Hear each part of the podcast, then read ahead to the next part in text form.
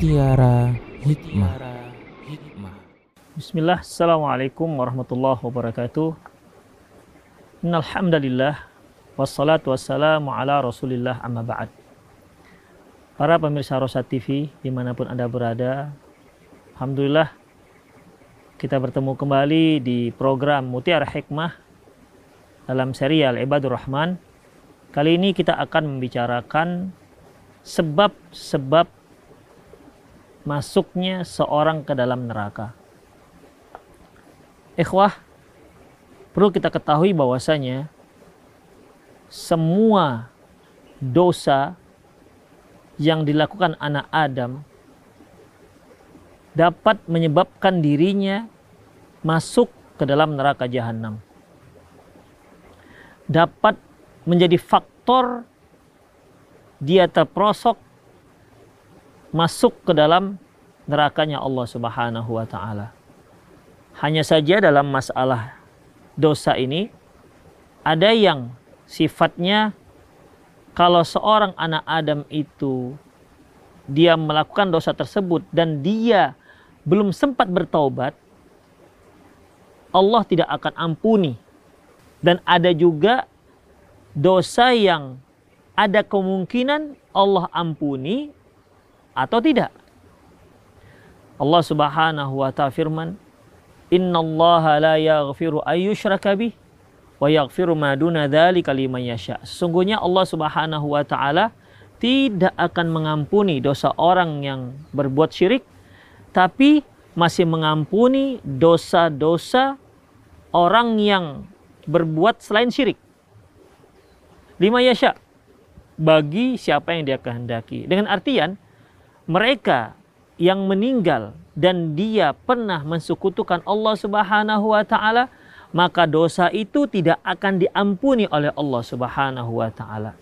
Adapun dosa selain syirik, apabila seorang anak Adam, apabila seorang muslim meninggal dan dia belum sempat taubat dari dosa tersebut, maka karena ini bukan dosa syirik, bisa Allah ampuni dan boleh jadi Allah tidak ampuni. Kalau Allah ampuni maka Allah persilakan dia masuk ke dalam surganya dan apabila Allah tak ampuni dosa tersebut maka Allah akan masukkan orang tersebut ke dalam dalam neraka. Demikian. Para permisa di mana pun anda berada, apa di antara dosa-dosa tersebut yang mungkin Allah ampuni dan bisa jadi Allah tidak ampuni?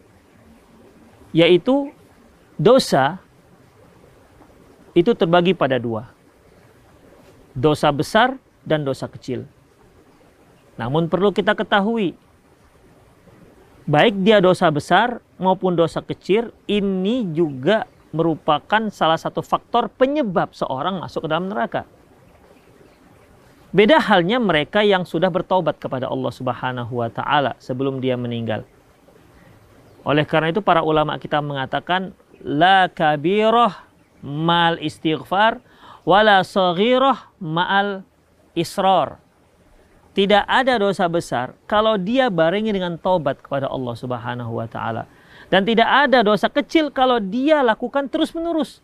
Dengan artian tidak boleh seorang muslim melakukan suatu dosa dengan anggapan ini adalah dosa kecil. Karena dosa kecil itu kalau dilakukan terus menerus terus menerus maka dia bisa sekelas dengan dosa besar. Imam Ad-Dhahabi memberikan tanda kepada kita tanda-tanda dosa besar. Yang pertama beliau katakan yaitu apabila di situ disebutkan laknat bagi pelakunya. Sebagaimana sabda Rasulullah Sallallahu Alaihi Wasallam La'anallah al-musyabbihina bin nisa wal musyabbihatu bir rijal. Allah melaknat laki-laki yang menyerupai kaum wanita dan wanita yang menyerupai kaum pria.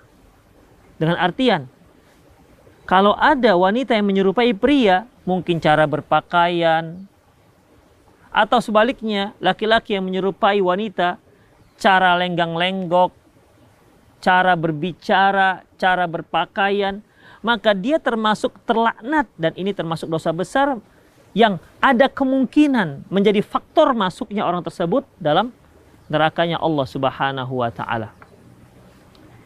jika Allah Subhanahu wa taala tidak mengampuninya.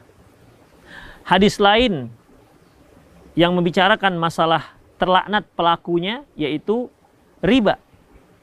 Rasulullah sallallahu alaihi wasallam bersabda, "La'anallahu riba." Allah melaknat riba, akiluha yang memakannya, wa mukiluha dan yang dan yang memberinya, ya. Dan yang memberinya atau yang menerimanya. Ya.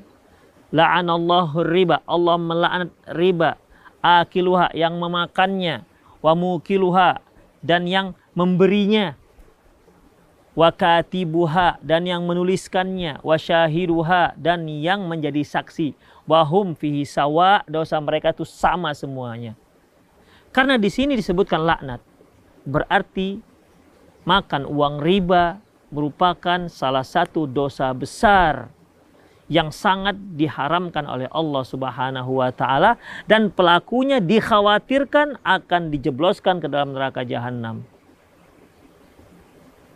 Kedua, yaitu Allah Subhanahu wa taala mengancam adanya hukuman di dunia.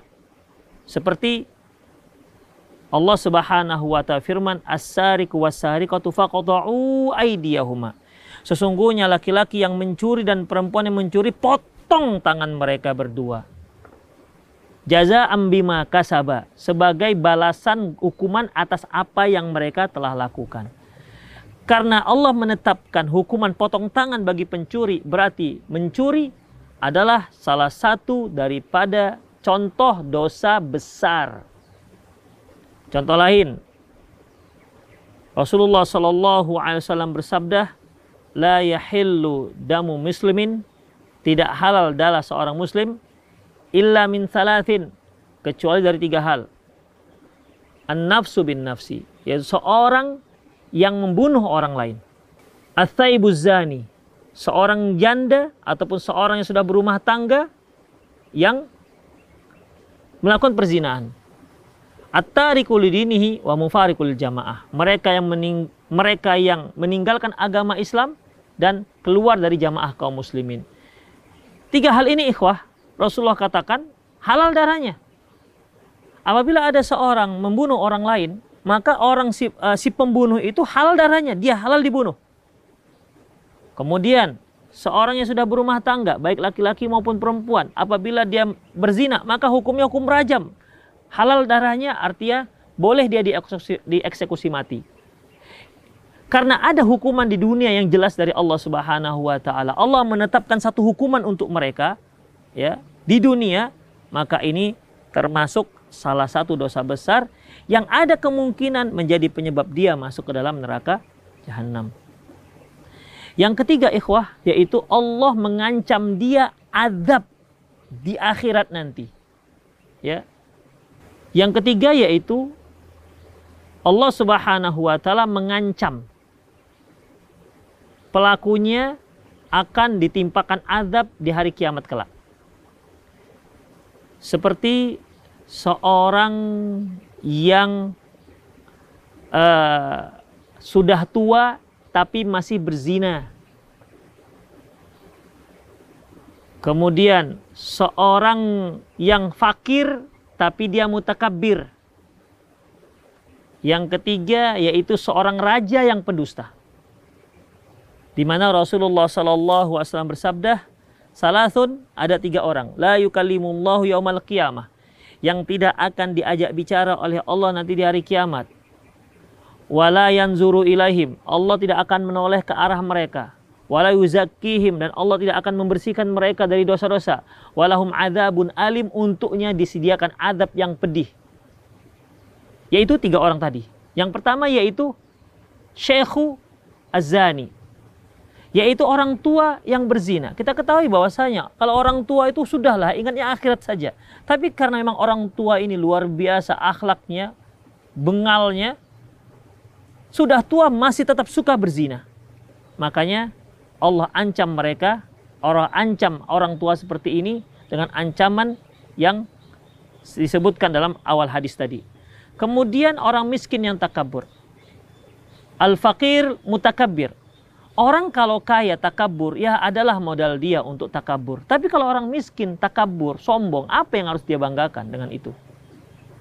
Makanya Allah ancam orang ini dengan tiga hal tadi. Kemudian, seorang raja yang pembohong. Biasanya kalau orang berbohong itu dikarenakan takut terhadap orang lain. Sehingga dia mau tidak mau harus berbohong.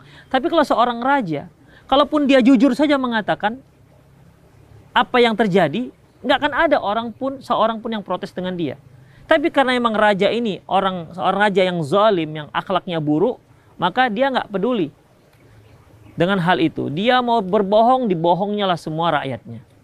Demikian. Ini contoh di mana Allah ancam si pelakunya dengan azab nanti di hari akhirat.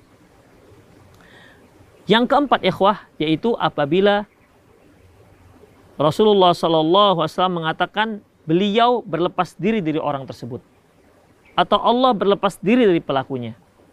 Sebagaimana sabda Rasulullah Shallallahu Alaihi Wasallam, aku berlepas diri bagi orang-orang Muslim yang tinggal di tengah-tengah orang musyrik. Aku berlepas diri dari seorang Muslim yang tinggal di tengah-tengah orang musyrik. Ya kita ketahui ikhwah, seorang muslim yang masyarakatnya masyarakat musyrik, sedikit banyak itu pasti akan berpengaruh kepada agamanya. Ya. Kalaupun dia tak terpengaruh, bagaimana dengan istrinya? Kalaupun istrinya tidak terpengaruh, bagaimana dengan anak-anaknya? Sedikit banyak yang namanya tetangga masyarakat itu akan berpengaruh terhadap diri kita. Minimal kemaksiatan, kesyirikan yang biasa terjadi di hadapan kita, kita anggap sudah biasa-biasa saja. Padahal itu dosa besar yang terbesar yaitu syirik.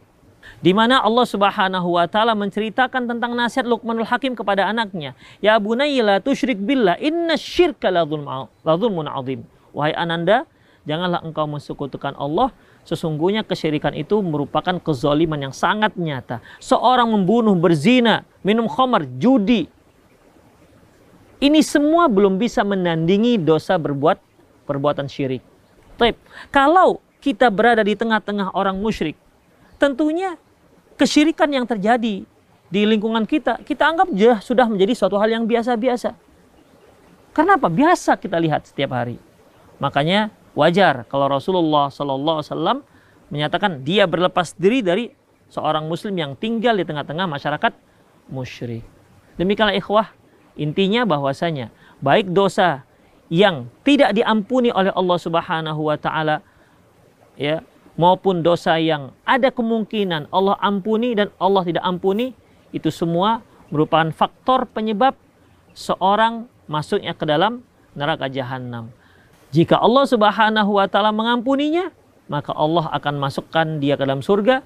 Jika tidak, maka Allah akan azab dia di neraka. Insya'a adzabahu wa insya lahu. Kalau Allah mau Allah akan ampuni, kalau Allah mau Allah akan azab dia dalam neraka jahanam. Demikian ikhwah, qulu qauli hadza wastaghfirullah li wa lakum wa muslimin innahu wal ghafurur. Assalamualaikum warahmatullahi wabarakatuh.